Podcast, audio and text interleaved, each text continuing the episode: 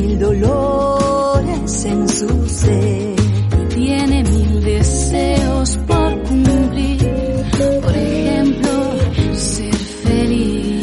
Doncs vinga, anem a la meitat del saber, aquesta secció que fem en col·laboració amb l'Oficina de Polítiques de Gènere del nostre Ajuntament i avui el que volem tractar doncs, és un tema molt d'aquest mes d'abril.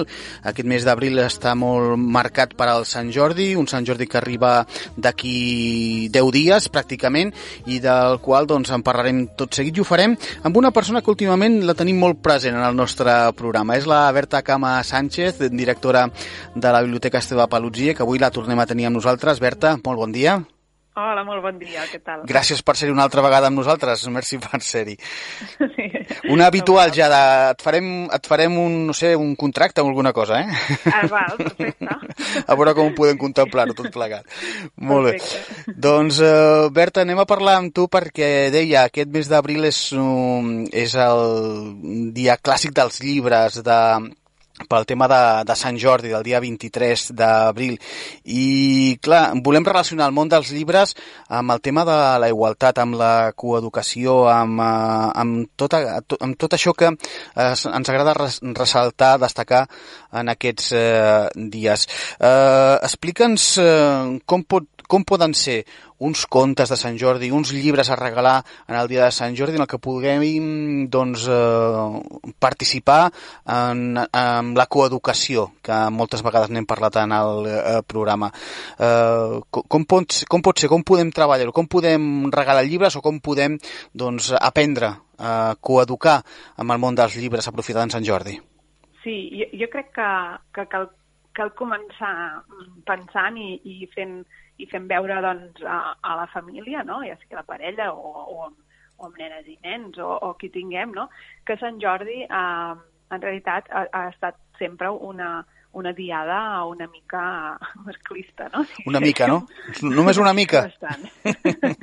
Ja, Perquè parti, partint de la història, clar, de la història de Sant Jordi i la, la, tota... Començant amb la història, que Clar. ja només sabem com es diu el cavaller, no? La, la, la, la, la princesa no sabem ni quin nom té, no? És veritat. Uh, a més a més, el cavaller doncs, uh, salva la princesa, la princesa, doncs, pobreta, està allà, no? Que, que l'han de venir a salvar. Uh, tot això, doncs, és una història molt poc coeducativa, Mm. diguéssim.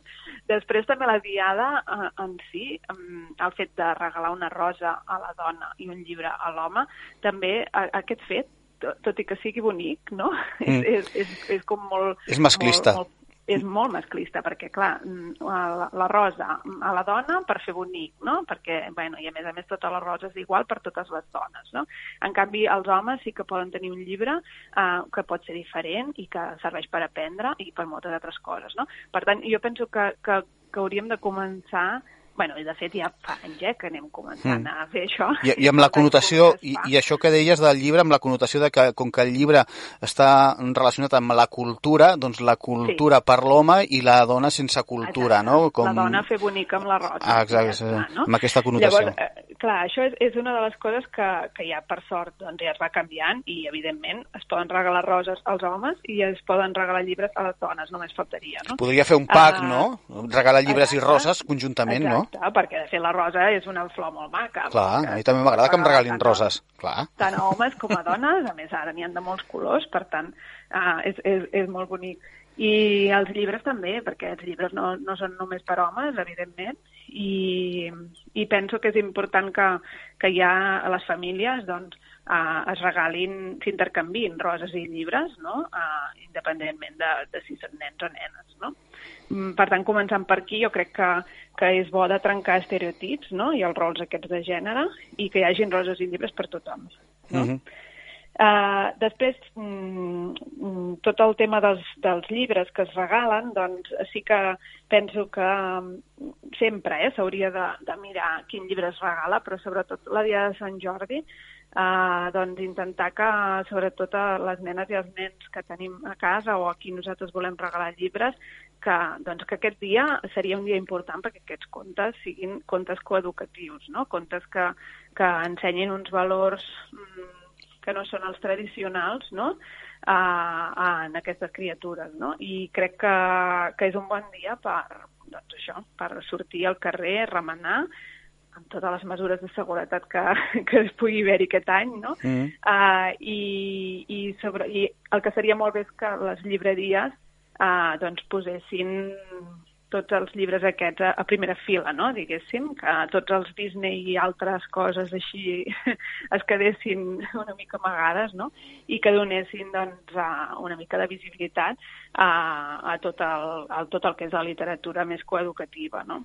Mm, perquè eh, això que dius eh, ho trobo interessant, el fet de saber trobar eh, aquests llibres coeducatius, perquè potser a vegades no, no deu ser inclús fàcil de, de discernir o veure eh, quin és eh, més coeducatiu que un altre. No sé si hi ha alguna fórmula o alguna cosa que ens pugui donar una pista per dir, mira, aquest llibre sembla interessant. Bueno, uh, el títol ja diu molt. Clar. Eh? Vull dir que el títol ja diu molt perquè moltes vegades, si us hi fixeu, uh, hi ha molts contes que estan en masculí. Mhm. -huh. no? Vull dir, el, uh, i clar, i això ja, ja et diu que el protagonista d'aquella història doncs, serà un nen i que aquest nen doncs, li passaran unes aventures i unes coses que això, no? O, per exemple, doncs, tot el tema de, de, de princeses i, i tot aquest món, no? Que, que es pot, evidentment, que, que, que poden haver-hi princeses, però les princeses, diguéssim que no han de ser com la rosa per fer bonic només, no? Mm. Poden ser uh, princeses, doncs, fantàstiques, no? Que, que facin, doncs, la tira d'aventures, no?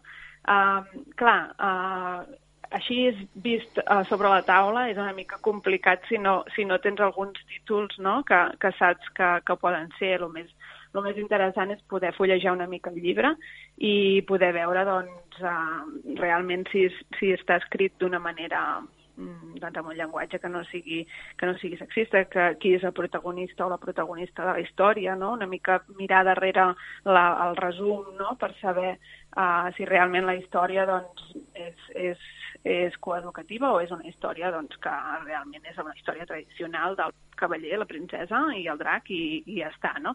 Um, per sort, per això s'han fet molts llibres uh, sobre la Diada de Sant Jordi, sobre altres uh, llibres, per exemple, tradicionals, no? uh, que s'ha canviat la història, que són molt, molt interessants. Hi ha una col·lecció que es diuen Contes desexplicats, uh, on hi ha doncs, els típics contes mm, de, de, de sempre, no? doncs, la rateta que escombrava l'escaleta, tots aquests contes que, que els han canviat una mica i són molt, molt divertits i molt interessants de llegir uh, perquè, per exemple, doncs, la rateta que escombrava l'escaleta es diu la rateta que llegia a l'escaleta. No? Si tu veus aquest títol ja et dona una pista de que, ui, aquí hi ha, hi ha alguna cosa diferent, no? Aquesta rateta no està escombrant, està llegint, no? I, i, i per tant, doncs, cal buscar una mica això. Jo també penso que uh, cal donar molta importància a la figura de, de les llibreteres i els llibreters, no? que són uh, persones que saben molt de, de, de llibres i també està molt bé demanar doncs, que, que et recomanin alguna cosa, no? Mm -hmm. És bàsic perquè és el que dèiem, no? Per la portada d'un llibre és molt difícil saber què és el que trobaràs a, a dintre. En canvi, el llibreter, la llibretera, doncs et podran orientar i dir realment el que dins d'aquell llibre pots uh, trobar i és imprescindible la, la, la figura dels llibreters i llibreteres i també de les, de les bibliotecàries i dels bibliotecaris, eh? També, per, també, per... i tant, sí, eh? sí. Jo, jo, jo, i això ja ho dono per suposat. el que passa que, clar, el dia de Sant Jordi jo penso que hem de donar molt protagonisme a les llibreries i a les floristeries i, i, i penso que hi han llibreteres que fan, que fan una, una feina molt important i que, i que en saben moltíssim també i que qui vulgui comprar llibres, que és el que s'ha de fer el dia de Sant Jordi, qui pugui i vulgui comprar llibres, eh, doncs que vagi, que es deixi assessorar, perquè segur que la llibretera o el llibreter que tenen al costat de casa doncs sap, sap molt i, i, i pot assessorar molt bé. Uh -huh. uh, en referència als contes que estàvem parlant, uh, el tema dels contes tradicionals, què hem de fer amb els contes tradicionals? Els hem d'abolir? Els hem de saber situar, contextualitzar? Què hem de fer amb els contes tradicionals?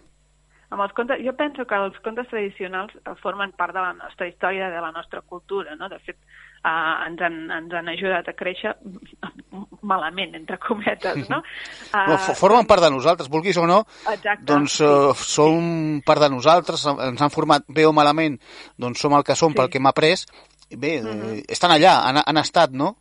Exacte. Jo, jo penso que abolir-los tampoc, perquè formen part de la història, i de fet, eh, penso que són un, un bon exemple per, per explicar també, no? i, per, i per, per explicar doncs, amb, amb les criatures i, i perquè vegin doncs, que el que no ha de ser, no? diguéssim, en molts casos, o també doncs, per poder buscar-hi doncs, altres històries. No? Es pot llegir un conte tradicional amb, amb la família o amb qui, un, un nen amb un nen i, i dir-li, val, doncs, després per poder parlar no? sobre això, doncs, a, a quin final altre hi faries, no? què estaria millor, no? o què, què d'això. De fet, a, a les nenes i els nens d'avui dia, per sort, estan creixent amb altres valors i, i moltes vegades, si els expliques un conte d'aquests tan tradicional, eh, et, et miren raro. Eh? Mm. bueno, que, és, és bon ja senyal, eh? Mana? Que és, és bon senyal que et mirin és raro. És molt bon sí. senyal, és molt bon senyal, clar. Uh, et miren raro de dir, ostres, eh, en sèrio, no? Aquesta princesa estava allà i no ha fet res, o jo què sé, no? Vull dir, alguna altra història que dius, ostres, no?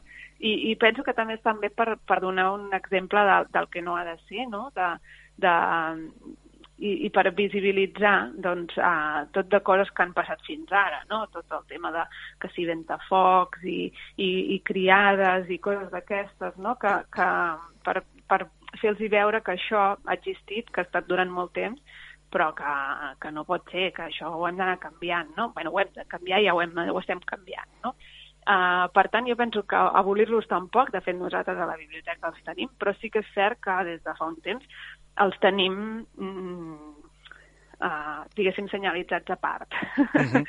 uh, els tenim els contes clàssics doncs, en un lloc a part, uh, perquè qui vulgui conte clàssic doncs vagi a buscar el conte clàssic, no? però, però que sàpiga que, que hi ha la resta de contes que, que moltes, bueno, que sempre doncs, aporten molts més valors. Mm.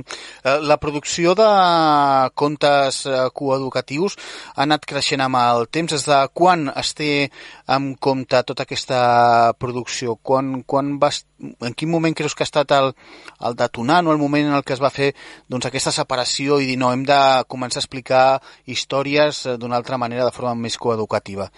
Com... Sí, tampoc fa, no fa molt, eh? No, tampoc. Mm, ja m'ho temia, m'ho temia, però bueno, era per, per veure-ho. No fa molt, però, però sí que és cert que potser doncs, fa, uh, no sé, potser 5 anys, en alguns llocs, en el millor dels casos, potser, potser 10, no? Uh mhm. -huh. Però jo penso que és, és un tipus de literatura que també fa molt poc que s'està publicant, eh? Uh, ara sí que hi ha molta oferta, hi ha molts llibres, uh, molts contes, i, i i per tant, doncs, a qualsevol llibreria segur que se'n troben, eh? Però, però fins fa poc mmm, no hi havia gaire cosa editada, suposo que també la, la gent que escrivia doncs, potser no, no, no trobaven oportú escriure d'aquesta manera, però, però penso que ara ara hi ha com el boom no, d'això i ara realment s'està publicant moltíssimes coses i, i, molt, i molt bé, i a més a més es publica molt bé, o sigui que no són només històries que expliquen eh, doncs, algun cas eh, diferent o expliquen coses, no sé, eh, històries d'aquestes com això que et deia, no? dels contes desexplicats aquests que et comentava, de contes que són contes tradicionals que, que els han adaptat a, a bueno, d'una manera diferent, no? perquè els nens i nenes doncs, diguin, ostres, a la rateta doncs, no es comprava, estava llegint, no? i altres coses. Uh, aquests sí que fa temps que existeixen, però, per exemple, uh, sí que és veritat que ara s'està publicant moltes històries que mm, no és que, no és que siguin contes coeducatius mm, de, allà escrit de dir, pues mira, això és un conte coeducatiu, sinó que ja tenen la coeducació tan integrada que expliquen una història, mm, però des d'un punt de vista coeducatiu sense dir-t'ho, no? Per exemple, eh, doncs no sé, històries uh, de famílies, però que no són les típiques famílies que nosaltres hem llegit quan érem petites, no? Mm. Uh, del pare, la mare, el nen, el germà, el gos, el no sé qui, no? Uh, ja, ja són històries que els hi passen doncs, a nenes o a nens i que doncs, potser aquesta nena és una nena uh, que té dues mares o que només té una mare o que només té un pare, no? Vull dir que són històries però que mm, no és que donin importància a això, sinó que t'ho fan veure d'una manera normal, no? I això és important, no? Que els nens i nenes d'avui dia puguin llegir històries i se sentin identificades també, no? Perquè, clar, mm, què passava abans amb tots aquests doncs, nens i nenes que, que, no, que tenien dues mares o que només tenien un pare o només tenien una mare i sempre llegien històries on hi havia el pare, la mare i, tot, i tota la família aquesta tradicional, no? Doncs se sentien exclosos aquestes persones, no? Llavors, mm, és important que s'escrigui mm, històries perquè tothom eh, se senti doncs, identificat, no? Mm. En aquest àmbit d'escriure història estem parlant molt dels contes, de la literatura enfocada als més eh, menuts de la casa, eh, però en la literatura juvenil, per exemple, o fins i tot en la literatura ja, l'escriptura més per a adults, el tema de la coeducació eh, també està evolucionant? Mira, en la, en la literatura juvenil està evolucionant bastant, molt, ja. Uh, de fet, hi ha llibres molt interessants uh, que parlen doncs, uh, sobre LGTBI, per exemple, o, o moltes altres, molts altres temes, i ho parlen d'una manera, amb un llenguatge molt que arriba doncs, a, als joves, no? I en, pel que fa a la novel·la, mmm, saps què passa? Que la novel·la sempre, sempre ha tractat tants temes i ha sigut tan diversa, no? Que, mm. que que potser ja s'han anat tractant aquestes coses, però sí que és cert que, que potser amb la novel·la està costant més, eh? perquè uh, les novel·les, sí que hi ha novel·les que, que, que tenen personatges, doncs, uh, com això que et deia, no? de, de, doncs, de, no sé, una dona doncs, que, que, que té una superació personal i tot això, d'això n'hi ha sigut sempre, amb els contes no tant. Vull dir que potser amb la novel·la ja hi ha sigut sempre, el que passa que sí que és cert que hi ha novel·les que, que penso que, que haurien de deixar d'existir, eh?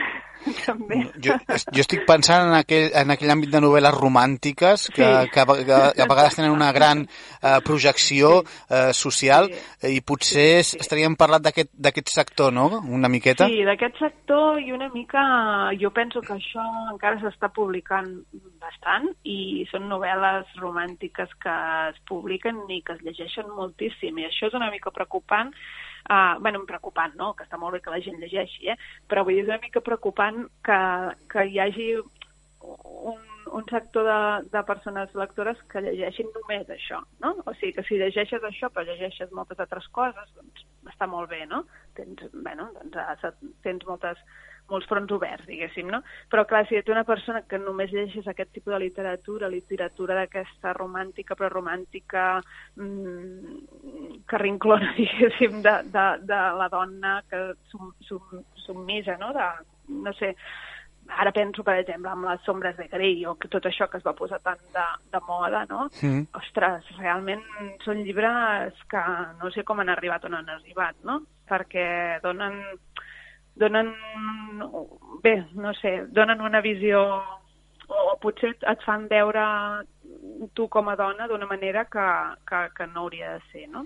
No ho sé, és, és, és una mica més complicat en el tema de la novel·la. Sí que és veritat que hi ha novel·les romàntiques avui dia doncs, que, que, que són molt diferents, eh? que no són tan carrinclones, no són tant les, el model tradicional de novel·la romàntica, però, però també és cert que la novel·la romàntica típica de sempre es segueix publicant i es segueix llegint molt. Suposo que té a veure doncs, també amb que aquestes persones que ho llegeixen són les que van créixer doncs, amb els contes tradicionals que comentàvem, no? I, i amb unes realitats molt diferents a les que hi ha ara. No? Ara a les escoles doncs, i, a, i a casa s'ensenyen molts valors que abans és que ni, ni, ni passaven pel cap no? de, de les famílies. Mm -hmm.